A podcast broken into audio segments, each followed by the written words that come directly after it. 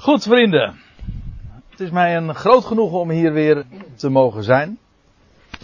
En een eh, nieuw seizoen te beginnen. En in zekere zin ook weer voor te zetten, want we waren natuurlijk al bezig in het Johannesevangelie. Inmiddels zelfs al in het tweede hoofdstuk. Het eerste hoofdstuk was een lang hoofdstuk. En we hebben dus toch ook al heel wat besproken. En u ziet, het is inmiddels de zesde studie die we vanavond hier mogen hebben. En de vorige keren, het lijkt mij toch sowieso, dat doe ik altijd, even terug te blikken. Maar in dit geval is, lijkt het me helemaal erg nuttig. Omdat we een, hoeveel is het? Pakweg, 2,5 maand geen studies hebben gehad. Dus het is wel even goed om de, om het geheugen weer even op te frissen. Na de proloog, de beroemde proloog van het voorwoord dus, want dat is wat dat woord betekent. Het voorwoord in Johannes, dat, is het, e- dat zijn de eerste 18 versen van dit evangelie, waarin hij eigenlijk een blauwdruk neerlegt van waar het in het hele evangelie, het evangelie beschrijving van hem om gaat. Dan volgt een beschrijving van zeven dagen en die vinden we beschreven vanaf vers 19 in hoofdstuk 1 dus tot en met vers, nou wat is het, vers 11 van hoofdstuk 2. We pakken daar straks nog even het staartje van mee. Want de vorige keer hebben we daar al uh, vrijwel een hele avond ook aan gewijd. Die beroemde bruiloft te Cana. Laat ik het toch eventjes op een rijtje zetten. Je leest dan in vers 19 tot en met 28 dat een priesterlijke delegatie uit Jeruzalem naar Johannes de Doper komt. En dat hij dan daar getuigenis aflegt van wie hij is. Want ja, daar was juist navraag naar gedaan. Uh, wie hij was, of wie hij niet was. En wat zijn, uh, wat zijn papieren waren, zeg maar. Zijn cv. En dan vervolgens krijg je vanaf vers 29, dan wordt er, dat wordt dan ingeleid met de volgende dag. Dus dat betekent dat je die dag gewoon kunt nummeren. Dag 2 dus. De volgende dag, dan lees je dat Johannes wijst op Jezus. Daar vind je ook die schitterende woorden. Zie het lam, of zeg ik het nou verkeerd? Nou ben ik het toch even Jawel, het is eh, correct. In vers 29. Zie het lam gods dat de zonde der wereld wegneemt. En ook in de navolgende versen lees, je, lees je dat Johannes dan wijst op wie Jezus is. Hij is degene die zal gaan dopen met, of beter, in geest. Zoals hij Johannes doopte in water. Hij zegt, na mij komt hij, en hij heeft, hem zo, heeft hem zojuist aangewezen, die in geest zal dopen. Dan vanaf vers 35 volgt weer een nieuwe dag. Er staat de volgende dag, dat is dus dag 3. En dat is de dag waarop we de ontmoeting beschreven vinden van Andreas en Petrus, twee broers, die dan Jezus treffen in zijn woning. Of ja, nou ja, in zijn woning in elk geval. Uh, het is even zoeken, maar dan vinden ze hem en ze verblijven dan die hele dag bij hem. En dan nog weer een dag later, dat is dan vanaf vers 44, daar wordt opnieuw ingeleid met de volgende dag. En je kunt ze gewoon keurig nummeren, dan is dus de vierde dag aangebroken. Op rij, Filippus en Nathanael ontmoeten Jezus. En ook in dat gedeelte wordt dat allemaal beschreven, met name de ontmoeting tussen Nathanael en de Heer Jezus. Die daar, weet je wel, die rechtvaardige Israëliet, in wie geen bedrog is. Die onder zijn vijgenboom zag, zat en zo Jezus trof. Nou, we, zijn, we hebben daar uh, de nodige aandacht aan gegeven. En dan vervolgens, en dan komen we in hoofdstuk 2 uit, en dat vangt dan aan met de woorden. En op de derde dag was daar een bruiloft. In Cana, in Galilea. Nou, daar hebben we de laatste avond, dat was dus avond nummer 5, aan gewijd. Aan die uh, beroemde geschiedenis. En zojuist had uh, het al eventjes over de, over de bruid. Die zich uh, klaarmaakt voor haar man en voor de bruiloft. Wel, over dit, over dat thema gaat het in dat gedeelte. Het gaat natuurlijk om een concrete bruiloft waar Jezus was uitgenodigd. En zijn moeder trouwens daar ook eh, van de partij was. En zijn discipelen waren daar. Maar het is zo overduidelijk dat dit een zelfs los van het feit dat het er expliciet staat, is het al zo duidelijk, ook in het licht van het hele Johannesevangelie, dat dit een betekenis heeft. En, of anders gezegd, dat dit een teken is dus. En dit wijst op de geweldige profetische waarheid. Hoe vaak wordt dat niet genoemd in de profeten? Dat Israël straks, in de toekomst, in de, da in de laatste dagen, een, dat daar een nieuw verbond gesloten zal worden en dat God zijn volk zal huwen. De bruiloft. Met name in de, in de profeet Hosea, maar ook in Jeremia krijgt dat uh, heel veel aandacht. Zoals het oude verbond een, vergeleken wordt met een huwelijk, met alles wat daar eigenlijk ook bij hoort. Een echtelijke woning, een, een huwelijksakte, dat eigenlijk de wet ook is. Een bruid, een bruidegom, wel, een man en een vrouw. Zo wordt het allemaal beschreven, maar er komt een nieuw verbond en dat zal een blijvend verbond zijn en het meest karakteristieke daarvan is dat de verplichtingen geheel eenzijdig zijn. Nergens wordt dat beter en uitgebreider en ook heel expliciet beschreven als in Jeremia 30 en 1, nee 31, waar uh, inderdaad gezegd wordt dat God dan bij die gelegenheid uh, alleen maar nog zegt, ik zal. Ik zal hun verleden niet meer gedenken. Ik, ik zal mijn wetten in hun verstand, in hun hart schrijven. Alleen maar ik zal, ik zal, ik zal. En nou, dat thema wordt natuurlijk in het Nieuwe Testament ook zo dikwijls naar voren gebracht. Trouwens, het woord Nieuwe Testament uh, betekent eigenlijk ook gewoon nieuw verbod. Maar dat verbond, dat zal gesloten worden met het volk van Israël. Het staat er trouwens ook uh, heel uitdrukkelijk bij. De, profeten, uh, bij de, voor de Hebreeuwse profeten is dat geen enkel punt. Wie is de bruid? Dat mag dan in de christelijke theologie, zeg maar, of in de kerkgeschiedenis in het algemeen een groot item geweest zijn. En men zonder blikken of lozen altijd gezegd heeft, nou die bruid dat is natuurlijk de gemeente. Maar eigenaardig trouwens genoeg dat in de brieven het woord bruid niet één keer voorkomt. Dat is, zelfs trouwens niet in de besnijdenisgeschriften, in de Jacobusbrief of Petrus of die van de Johannes. Nergens. In de Evangelie vind je het. En in het boek Openbaring komt dan ook weer de bruid van het lam ter sprake. Maar in de brieven speelt dat begrip bruid geen enkele rol. Dat is geen mening, dat is gewoon een vaststelling. Kijk het na in concordantie. Daar krijgt de gemeente een grote rol toebedeeld, maar nooit wordt die genoemd met, dat, met de metafoor van een bruid. En die bruiloft, die heeft alles, dat heeft alles te maken met wat er straks in het komende millennium gaat gebeuren. Ik zeg het komende millennium, ik bedoel het millennium, de duizend jaren waarin de Messias zal heersen. Ik moet het misschien nog anders zeggen, waarin de Satan, de tegenstander, gebonden zal zijn en hij de volkeren niet zal, zal, in staat zal zijn te verleiden of te, hoe staat het er, te, hij zal, hè, verleiden, ja, te verzoeken, uh, zulke woorden, ja.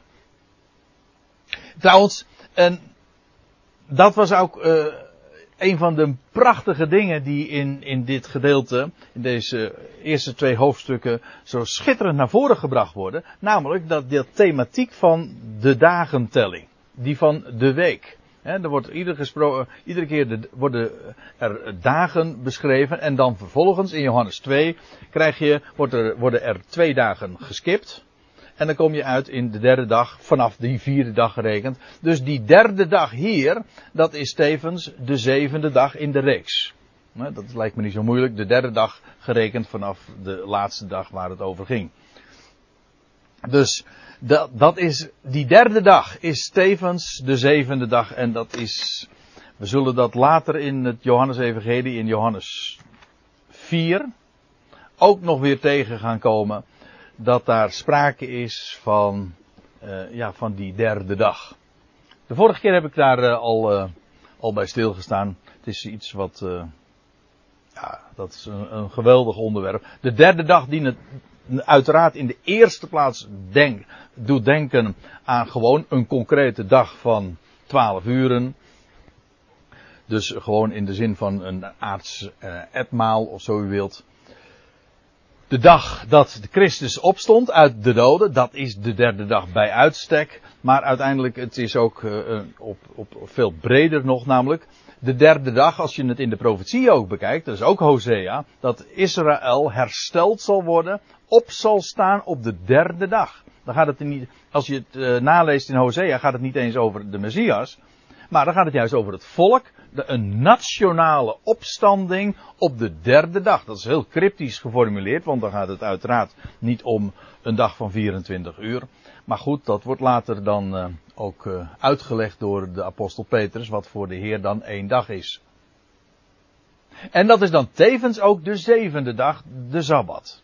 Schitterend thema. Dat houdt me de laatste tijd erg bezig. Die chronologie, maar je vindt het hier dus ook weer die zevende dag die tevens de derde dag is en het is een bruiloft. Nou, wat we hebben gezien, nou ja, zoals ik deze dingen al even aanhaalde, de derde dag verwijst profetisch naar Israëls herstel en naar het nieuwe huwelijksverbond. Waarin, hoe staat het in Hosea 2 vers 19? Dan zal ik u, mijn volk, eh, tot bruid werven voor eeuwig, voor de olam.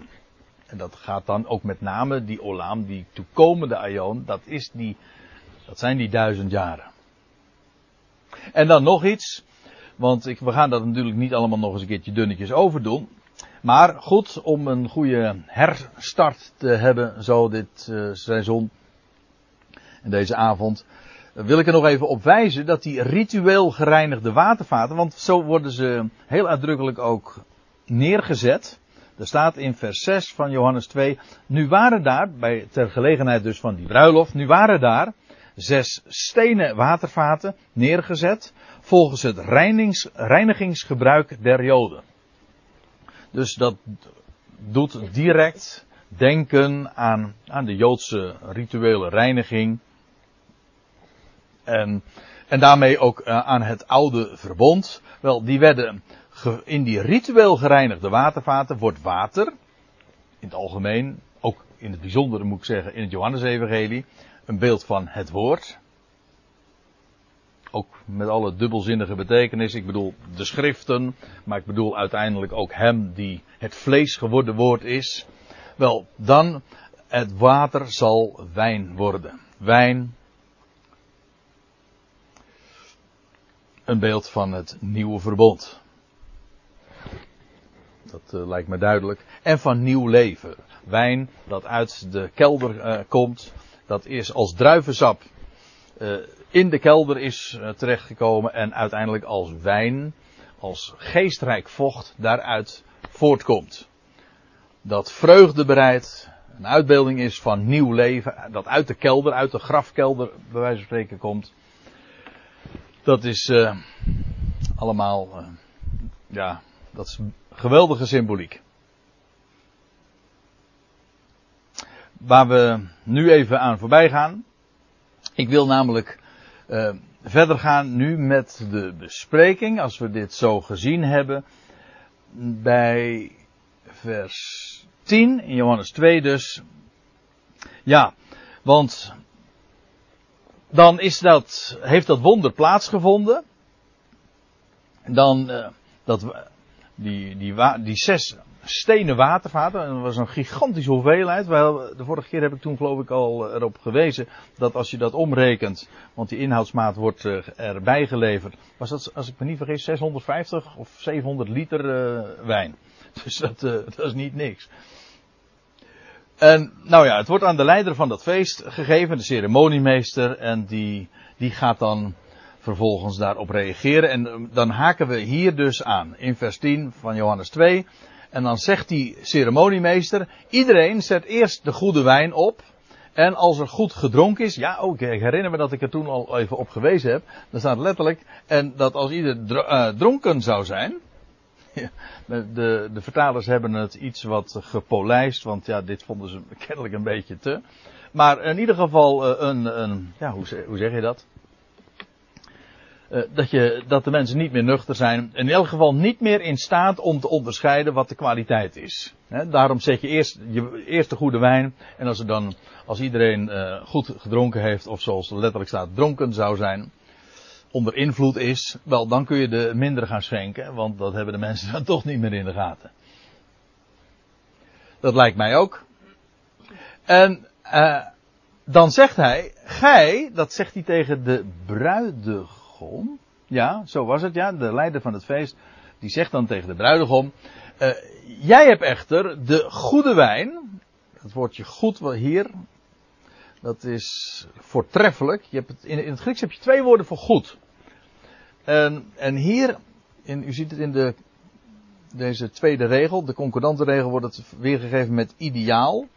En of dat ideaal is, weet ik eigenlijk niet. Maar je, het, eigenlijk, wij kennen die onderscheidingen van goed ook wel. Je kan goed en kwaad hebben. Dus dan heb je, gebruik je goed in de, in de morele zin van het woord. Maar je hebt ook goed in de kwalitatieve zin van het woord. dan is het goed en fout. Of goed in de zin van voortreffelijk. Nou, dat is de betekenis uh, die, waar het hier over gaat. Goed in de kwalitatieve zin. Jij hebt echter de goede wijn tot dit ogenblik bewaard. Wat strikt genomen dus niet waar is. Ja, dat dacht die ceremoniemeester wel. Maar er was helemaal niks bewaard. Want het was namelijk ter plekke zojuist recentelijk gecreëerd. Het was water wijn geworden. Iemand wees er, er nog op dat uh, eigenlijk in een. Uh, hoe was het ook weer? Nee. Nee, nee het, was, het toch anders. La, laat, maar, maar zitten. Het zou alleen maar verwarrend zijn als ik dat er nog bij zou betrekken. Maar in elk geval, die, uh, die ceremoniemeester die wist dat. Uh, die wist ook niet beter. Als er misschien een wijnkenner is, zou zijn geweest, had hij misschien nog kunnen zeggen van, oh dan maar dat is een echte, of misschien zelfs het jaartal nog kunnen noemen. Maar hoe, hoe een grote kenner hij dan ook geweest zou zijn, het, hij zat er toch naast. Ja, dat, dat zijn dingen die niet na te rekenen zijn. En dat is mooi, en dat is maar goed ook. In elk geval, uh, dat, was zo, dat wonder had zojuist plaatsgevonden. En wat hier natuurlijk achtersteekt, dat is een geweldig goddelijk principe, bijbels principe. God reserveert het beste voor het laatste. En daarom zeg ik zo altijd zo graag, het beste, dat komt nog. En ik heb altijd, als ik dat woord eh, uitspreek of dat citaat geef, dan denk ik altijd aan een lied, een liedje van Ellie en Rickert. U hebt het, ik ga het niet uh, voorzingen, maar u hebt het beste voor het laatst bewaard. Ja, en als je, als je dat weet, als je dat beseft, dan uh, ja, dat, dat maakt je automatisch een optimist. Waarom? Gewoon, het beste komt nog. En nou, dat zie je hier dus op dit feest ook uh, gedemonstreerd. De beste wijn, dat was wat het laatste geserveerd werd. En zo zit eigenlijk de hele heilsgeschiedenis in elkaar.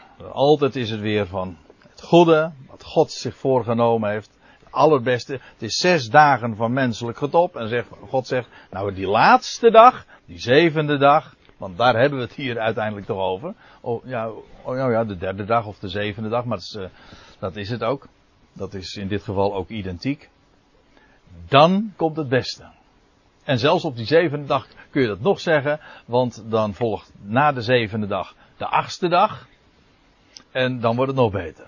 En ik durf te zeggen, dan wordt het nog beter, want het, het, het, is, het is eigenlijk net een.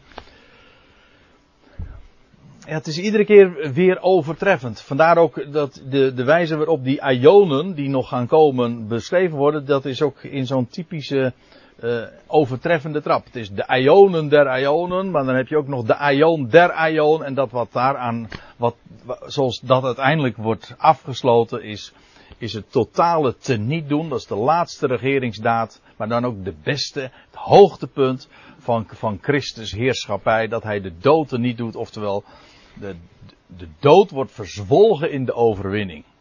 Nieuw leven. Nou, dat is wat op deze derde dag gedemonstreerd wordt. De dood wordt overwonnen in leven, maar met allemaal hoofdletters. Daar is die wijn uiteindelijk natuurlijk een beeld van, van opstandingsleven. En vandaar dat we zeggen, die waterrezen, Lagaim. Op het leven. En dat ligt er allemaal nog klaar. Wij kennen, oh ja, we proeven er al van en wij heffen het glas al. Maar dit is wat uh, allemaal nog gaat komen, in zijn volle glorie geopenbaard zal worden. En dan staat erbij in vers 11 ter afsluiting, dit heeft Jezus gedaan. Dat staat eigenlijk in de aorist, dit doet Jezus. Het feit wordt gesteld als begin van zijn tekenen te Cana in Galilea. Hier begon het allemaal mee. In het Johannesevangelie wordt dit als uh, wordt dit beschreven en in geen van de andere uh, evangeliën van Matthäus, Marcus en Lucas uh, vinden we dit terug. Dit is een unieke beschrijving van, van Johannes. Johannes was hier zelf ook bij. En hij beschrijft dit ook werkelijk als een ooggetuige. Dat blijkt trouwens ook nog weer uit die navolgende dingen. Die uh, we straks ook zullen zien. Dat is typisch het verslag van iemand die er zelf ook bij was. De, de details die vermeld worden, dat is typisch. Uh, de, de, details, dat zijn de details die iemand uh, zich herinnert. En daarom ook om die reden optekent. Dit heeft Jezus gedaan als begin van zijn tekenen te Cana. Hier wordt feitelijk de toon gezet.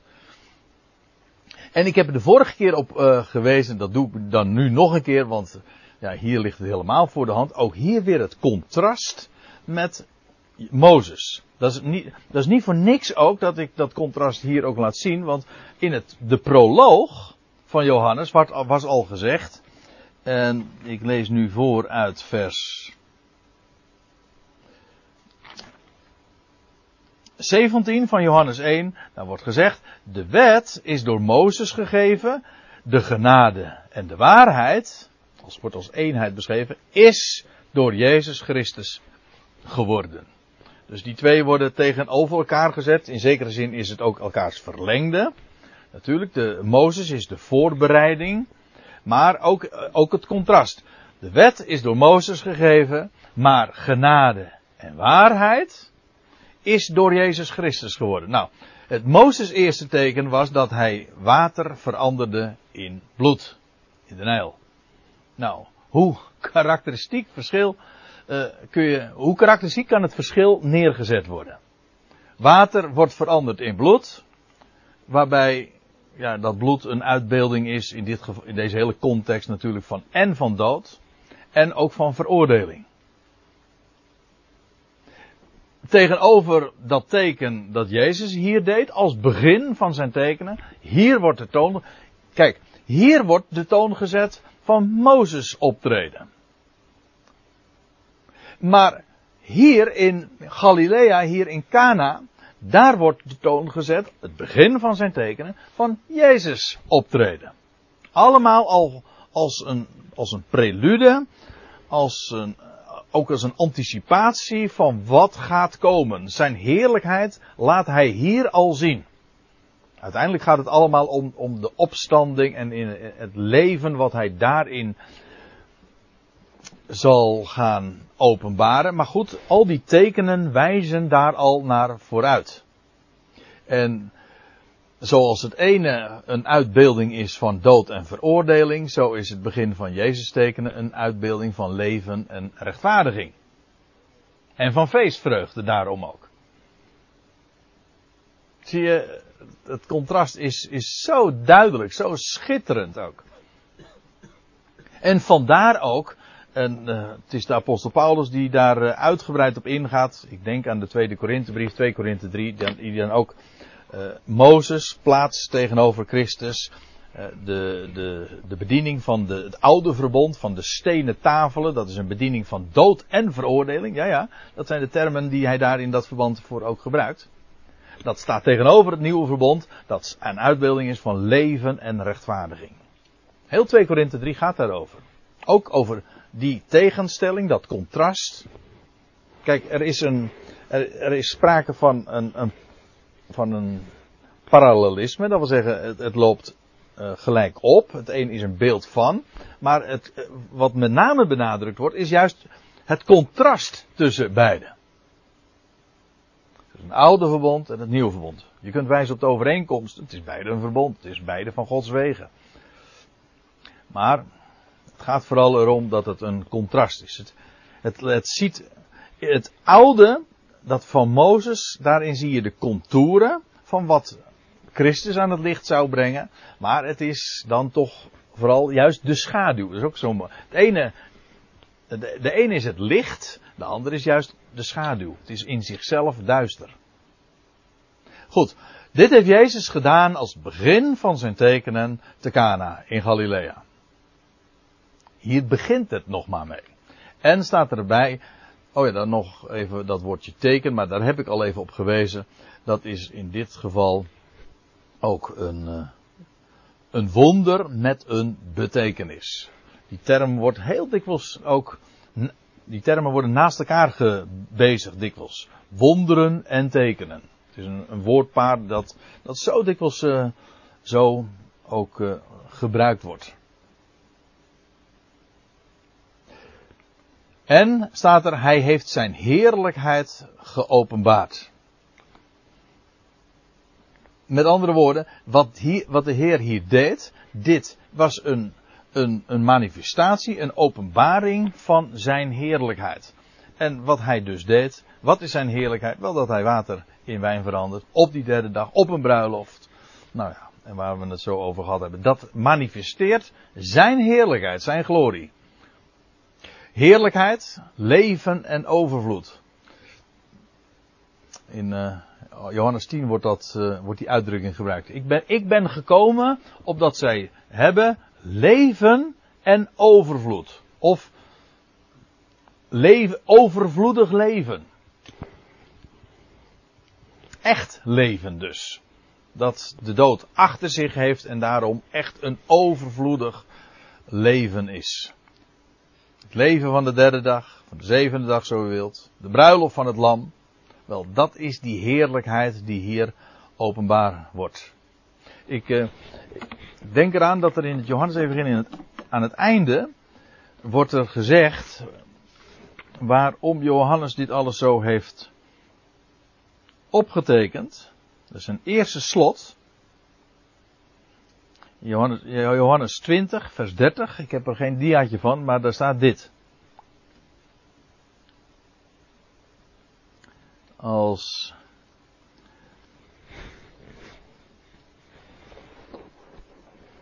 Ja, daar staat, Jezus heeft nog wel, heb je hem weer. Jezus heeft nog wel vele andere tekenen voor de ogen van zijn discipelen gedaan, die niet beschreven zijn in dit boek, maar deze zijn geschreven opdat ge gelooft dat Jezus is de Christus, de Zoon van God, en opdat gij gelovende het leven hebt in zijn naam. Die heerlijkheid die hij openbaart, dat is juist de heerlijkheid van het leven. Leven is een van die termen die in het Johannes-evangelie zo enorm vaak voorkomen. Ik ben de weg, de waarheid, het leven. Ik, en ook als die andere uitdrukkingen gebruikt. Als hij zegt, ik ben het licht, dan zegt hij, ik ben het licht van het leven. Dat leven is namelijk het licht. Of, ik ben het brood, ja, ik ben het brood van het leven. Het brood des levens. Iedere keer dat die combinatie, welk teken hij ook doet, als hij brood verandert, of nee, dat brood vermenigvuldigt, dan zegt hij, het is een beeld van mijzelf. Ik die het levende brood ben, het brood des levens. En hier ook, dit is de heerlijkheid die hij hier op de derde dag aan het licht brengt. Is die, dat water dat veranderd wordt in, in wijn, dat is een uitbeelding van overvloedig leven. Dat is zijn heerlijkheid. En opdat ge gelovende het leven hebt, dat leven hebt in zijn naam. Dat hebben we nu al gewoon juridisch, degene die dat gelooft, die bezit dat. Ook als dat in fysieke zin nog uh, toekomende tijd is. Eigenlijk is dat ook het geval in de, in deze even, ja, als dat zo in dit evangelie beschreven wordt. Het is alles wat hier uh, gedaan wordt, is feitelijk nog prematuur. Het zijn, het zijn signalen van wat aan het licht zou komen op die ene grote derde dag. Namelijk, en nou doe ik eventjes op de dag dat hij het graf leeg achterliet en de steen werd weggewenteld. Maar die tekenen wezen er al naar vooruit. Dat is wat, wat, wat Johannes ook zegt. Al die tekenen uh, die, die hier staan beschreven is, opdat je zou geloven dat hij de Christus is. Maar officieel werd hij dat ook pas echt demonstratief. En in de overvloedige zin van het woord de Christus en de Zoon van God, opdat ze gelovende het leven zouden hebben in zijn naam. Maar dat leven, dat, ja, dat zou pas aan het licht treden op die derde dag. Is ik nou trouwens, als ik het daarover heb, dan wil ik nog eventjes terugbladeren. Want je leest in Johannes 7. Ja, dan lees je. Op de laatste, in vers 37. Ik heb ook hier geen, even geen diaatje van. Maar dan staat er, en op de laatste, de grote dag van het feest, het Loofhuttenfeest, Sukkot. Wat binnenkort trouwens in, uh, op de Joodse kalender uh, gaat aanvangen. Is trouwens de acht, dat is de achtste dag. Ja, dat was de achtste dag waar het hier over gaat. De laatste, de grote dag van het feest, stond Jezus op en hij zei: Indien iemand dorst heeft, hij komen tot mij en drinken. Wie in mij gelooft, gelijk de schrift zegt, stromen van, heb je hem weer, levend water zullen uit zijn binnenste vloeien. En dit zeide hij van de geest, maar geest is leven, welke zij die tot geloof in hem kwamen ontvangen zouden, want de geest was er nog niet, omdat Jezus nog niet verheerlijk was. Opgestaan was uit de doden en de heerlijkheid van God de Vader had gekregen. Dus ook wat Jezus al van tevoren zei, ook hier op het tempelplein, terwijl er zo'n hele waterprocessie plaatsvond. En hij roept dan van wie kom, komt op mij en stromen van levend water zullen uit je binnenste vloeien. Dat ging over een toekomstige gebeurtenis, over toekomende dingen die op dit moment feitelijk nog niet uh, er waren, beschikbaar waren. Maar dat is waar alles in de bediening van Jezus al naar heen uh, vooruit wees. Hij heeft zijn heerlijkheid geopenbaard. En staat er, zijn discipelen geloofden in hem. Daarna staat er dan in vers 12, daalde hij af naar Capernaum. Cafarnaum. Ja, dat. Ja, nee. de, de spelling van, eh, van die plaatsnamen die is in de laatste vertalingen nogal eh, gewijzigd. Maar als je het helemaal goed wil zeggen, dan zeg je het uh, op zijn Hebreeuws Kvarnachum.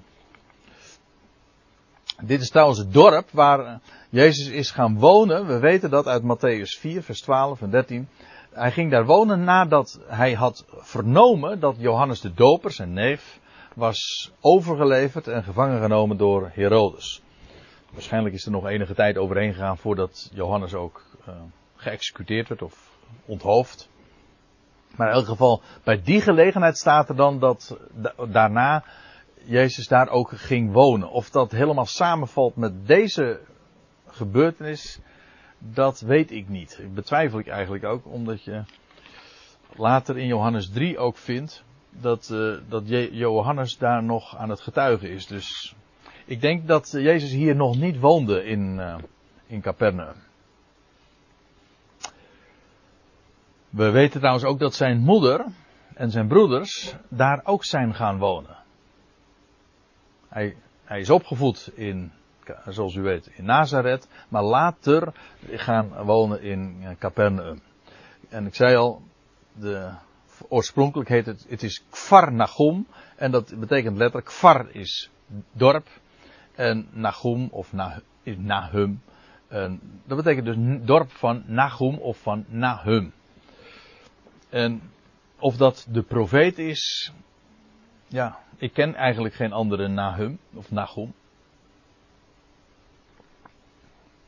Maar daar uh, zijn de deskundigen het niet over eens. Maar goed, als je het Bijbelstudie doet en je zegt van ja, aan wie doet dit dorp jou denken? Nou, de naam zegt het al, aan Nagum. En die naam betekent trouwens vertroosting. Een, uh, een mooie plaats om te wonen.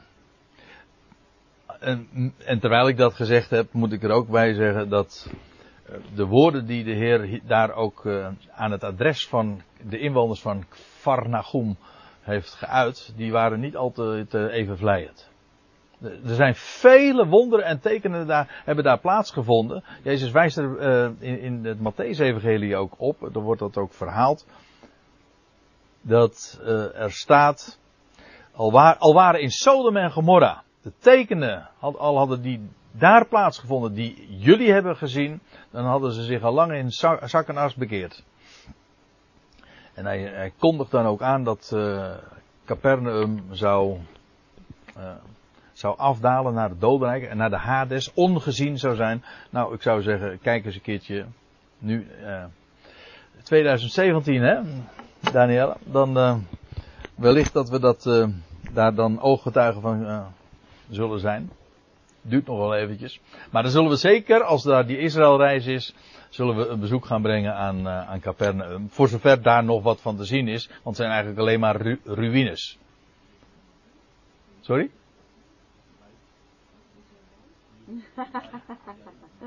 Oh.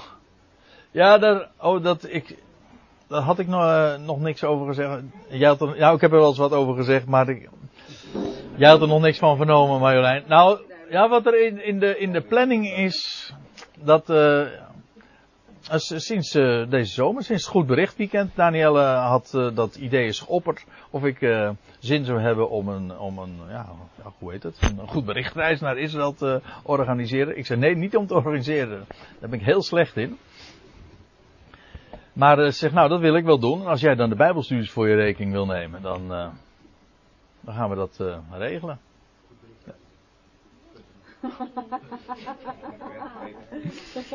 Goed bereden, ja. Nou ja, dat. Uh, sparen, dan hoor je ja, precies. Het wordt pas. Uh, het is, duurt nog eventjes, want het is pas in de planning voor voorjaar 2017, april, mei. Hè? Dus je hoort er wellicht nog van. Maar de route moet ook nog uitgestippeld worden. Ja. Hè? Wat zeg je? Jij wilt ook eens zien? Nou, ik heb het al gezien. Ik ja. zou het nog wel een keer willen zien. Ja.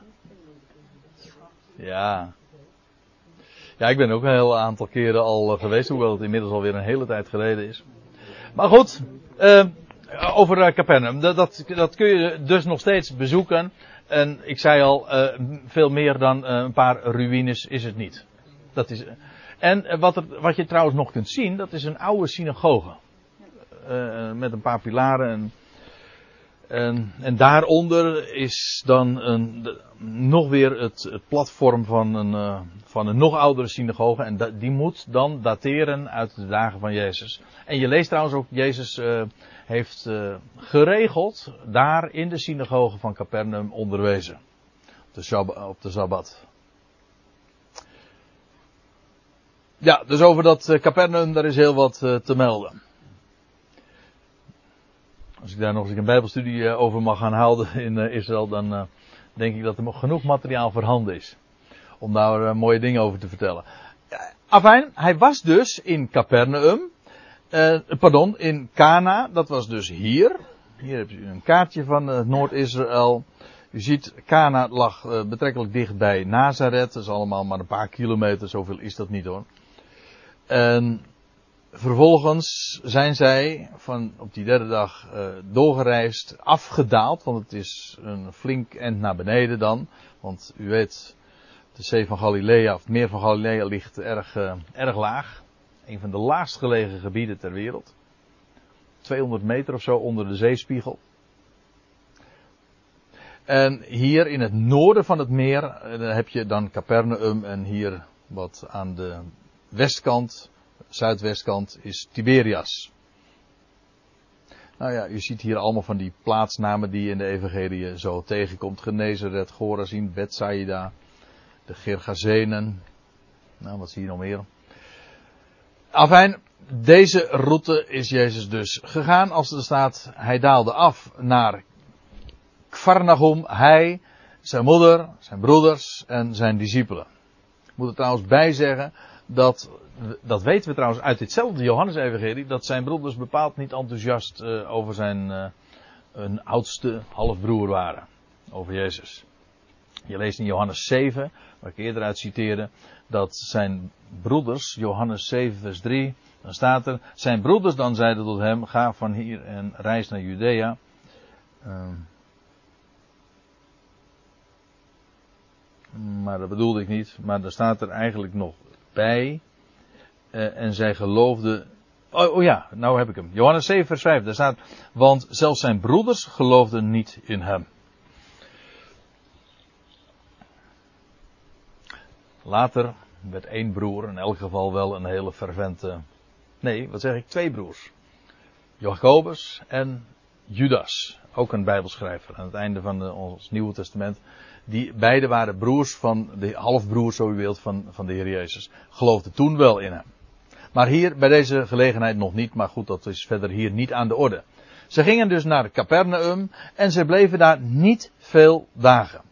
Waarom dat zo was, nou dat staat er gewoon pal uh, daarna, want staat er vervolgens, en het paascha der Joden was nabij. En wat doe je dan? Dan trek je op naar Jeruzalem, als je even daarvoor in de gelegenheid bent. Drie keer per jaar trok men op naar, naar Jeruzalem om deze hoogtijden te vieren. Dat was bij Pesach, Pascha, dat was bij het Pinksterfeest en later bij het Loofhuttenfeest, Sukkot in de zevende maand. Dat waren de drie tijden dat die pelgrimages plaatsvonden. Opmerkelijk trouwens, en dat wordt iedere keer zo in het Johannes-evangelie genoemd, het Pascha der Joden. Daar klinkt heel veel afstand in door. Het is dus niet zoals dat in, het, in de Hebreeuwse Bijbel altijd heet, het Pascha voor de Heren, of het Pascha voor Yahweh. Nee, het is hier het Pascha der Joden. Het, daar klinkt zelfs in door, het is niet meer het Pascha van hem, maar het is geannexeerd door het volk die er ook mee uh, zijn eigen gang is gegaan. Het klinkt veel afstandelijker. Het Pascha der Joden, dat was nabij, staat hier. En Jezus ging op naar Jeruzalem. Dat is wel leuk, want we zagen dus in het voorgaande vers, hij daalde af naar Capernaum. En hier staat, hij ging op. En dat is dus letterlijk ook een opgaande beweging. En pak de landkaart en kijk de, naar het relief en kijk naar de hoogteverschillen, dan begrijp je het ook meteen. Want dan ga je inderdaad weer een heel eind omhoog. Naar Jeruzalem. dus je gaat met recht op naar Jeruzalem. Naar het Pascha. En dan vind je een geschiedenis die ook alleen, en nou ga ik iets vreemds zeggen, misschien in uw oren. Op het eerste gezicht lijkt dat vreemd. Dat uh, deze gebeurtenis alleen in het Johannesevangelie beschreven wordt. En toch denk ik dat dat uh, goed hard te maken is. Want weliswaar wordt hier gesproken over de tempelreiniging. En je zou kunnen zeggen: van, Oh, wacht even. Maar die tempelreiniging wordt ook in Matthäus, Marcus en Lucas beschreven. Dat klopt. Maar dat is niet dezelfde. Dat is niet dezelfde tempelreiniging. Hier gaat het om een tempelreiniging die plaatsvindt aan het begin van Jezus' bediening. Zo wordt het ook heel uitdrukkelijk neergezet door Johannes. Kijk, je zou kunnen, natuurlijk nog kunnen verdedigen van ja, maar Johannes Evangelie is niet per se, per se chronologisch, dat klopt. Het is meer thematisch. Bepaalde thema's worden neergezet en allerlei gebeurtenissen worden daar rondom gegroepeerd. Waarbij dus niet de tijdlijn zozeer uh, de, het, het motief is, het leidmotief is. Dat is waar, maar hier gaat het toch echt om een beschrijving van uh, ook, hoe stond het er ook weer? Ja, het was dus, hij, hij bleef daar, ze bleven daar niet vele dagen en dan vervolgens, een paascha van de Joden was nabij. Dus waarom bleven ze niet veel dagen? Nou, omdat het paascha nabij was en ze gingen weer optrekken naar Jeruzalem. Nou, aangezien net het, uh, het begin van Jezus tekenen vermeld was en beschreven is, gewoon Paul in het begin van het evangelie, gaat het hier dus over een, een reiniging van de tempel aan het begin van Jezus' bediening. Heeft dat allebei betrekking op het reinigen, op het uitdoen van het stuurbeek? Ja, dat lijkt me wel. Ik, ik, ik zal er straks nog, uh, ook nog even op wijzen. Want. Nou, laat ik, eh, ik kan dan ook trouwens wel eventjes nog op uh, verschillen wijzen. In de eerste plaats, laten we eventjes dit in Johannes 2 dan verder lezen. En hij, Jezus, vond in de tempel de verkopers van runderen, runderen en schapen en duiven. En de wisselaars die daar zaten. Wisselaars die namelijk, want dat vernam ik, dat is wel interessant. De, als je daar uh, offerdieren, duiven of wat dan ook, ging kopen. Dan kon dat niet gewoon maar met de Romeinse munt. Maar dan gebeurde dat met een heilige munt, een heilige valuta. Uh, voor de tempel. Speciale zilverstukken die gemaakt waren voor de tempel. Dus als jij daar iets wilde kopen in die tempel, dan moest dat met een speciale muntstuk. En dan moest je dus jou de, het reguliere, de gangbare Romeinse munt, met, het, uh, met de kop zeg maar, of met het hoofd van de Romeinse keizer, moest je inwisselen. Uiteraard met provisie, want uh, voor niks gaat de zon op. Dat was gewoon, het was gewoon handel meegedreven. Die wisselaars die daar zaten. Nou ja, Jezus vond ze daar en dan lees, en dan lees je, en hij maakte een zweep van touw. En dit is trouwens uh, heel opmerkelijk, want die andere tempelreiniging, waarvan Matthäus, Marcus en Lucas ge, in die evangelie gesproken wordt, dan lees je niet dat daar uh, sprake is van een zweep van touw. Dus niet alleen maar de timing van deze geschiedenis is een andere. Het, is, het ene is aan het begin. En als je dus leest in Matthäus, Marcus en Lucas, gaat het echt om een, een tempelreiniging die aan het einde van Jezus' bediening was. Het was zelfs Jezus' laatste paascha. Het was uh, Jezus, uh, dan wordt het geplaatst na zijn intocht in Jeruzalem. U weet het, hij ging toen met, uh, met ezel, op, die ezel, op dat ezelsveulen van de Olijfberg met die grote optocht waar ze riepen. Ging hij, zo daalde hij van de berg af. Vervolgens komt hij daar in Jeruzalem en dan lees je dat hij de tempel inging en dat hij dan hetzelfde deed als wat hij jaren eerder dus ook al deed. Alleen wordt er dan inderdaad geen melding gemaakt van een zweep van touw. Dat niet. Dus uh, dat soort details uh, ontbreken dan weer in die beschrijving. Dus het lijkt dan weliswaar heel erg op elkaar, maar toch is het niet het, dezelfde gebeurtenis. Dus dit, die tempelreiniging heeft twee keer plaatsgevonden. Dat kan niet missen. En hij maakte een zweep van touw en hij dreef allen uit de tempel. En nou wil ik even gewijzen op wat Fred zojuist al eventjes opperde. Namelijk dat hier echt dus de voorbereiding voor het paascha plaatsvindt.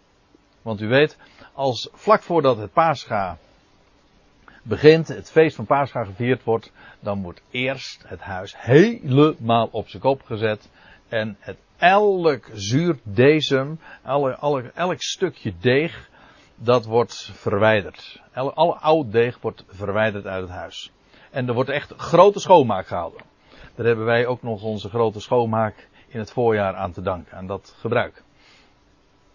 Maar het is, dat is feitelijk een religieus, een joods motief.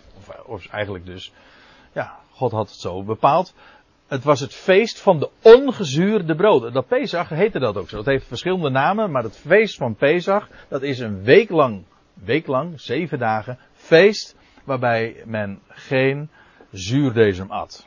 Waarbij zuurdesem altijd ook weer staat voor het oude, het kwade, het vergankelijke. Dat wat zuur wordt. Eigenlijk niet zo moeilijk. Zuur heeft altijd te maken met wat oud en vergankelijk is. En het ongezuurde heeft juist te maken met dat waar het oude is, waar, waarbij het oude is voorbijgegaan, zie het nieuwe is gekomen. En wat er gebeurde in het hele Jodendom en dat speelt een enorme grote rol. Het is ook een, een het is veel meer dan alleen maar grote schoonmaak. Het is ook een, gewoon een, een ritueel. Want ja, dan, zoals, dat dan, zoals dat dan gaat, wellicht dat uh, Therese daar veel meer over zou kunnen vertellen. Maar dan gaan ze met een lampje, heb ik uh, wel beschreven, uh, gehoord of gezien. Dan gaan ze met een lampje echt door het huis, alle hoekjes en gaatjes, of er ook niet nog een klein kruimeltje gevonden wordt van zuurdesem. Het huis moet echt compleet aan kant zijn en er mag absoluut geen zuurdesem meer in huis zijn. Maar dan gaat het dus over de gewone huizen, waarbij dat van belang is. De gewone huizen, daar mag geen zuurdesem in, in uh, gevonden worden. Maar nu komt de Heer Jezus in het huis van zijn vader. Zo noemt hij het ook. Het huis van mijn vader. En terwijl ze zich zo uh, bezig hielden met het verwijderen van, dat, van, van kruimeltjes en van gewoon zuurdesem, ontging hun waar het werkelijk om, waar het werkelijk om gaat, namelijk waar zuurdesem een beeld van is. En zuurdesem van slechtheid en boosheid, zegt, uh, daar spreekt Paulus uh, over in, in 1 Korinthe 5. Dat is wat zuurdesem is. Het is altijd consequent in de Bijbel altijd een beeld van het kwade, het boze, het vergankelijke.